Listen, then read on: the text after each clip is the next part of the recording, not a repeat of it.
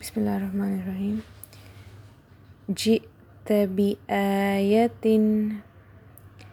آمنا برب العالمين.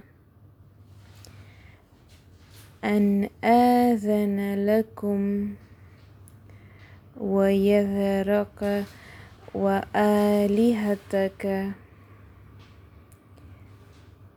آل فرعون. بئيس بما كانوا أوذينا من قبل سأريكم دار الفاسقين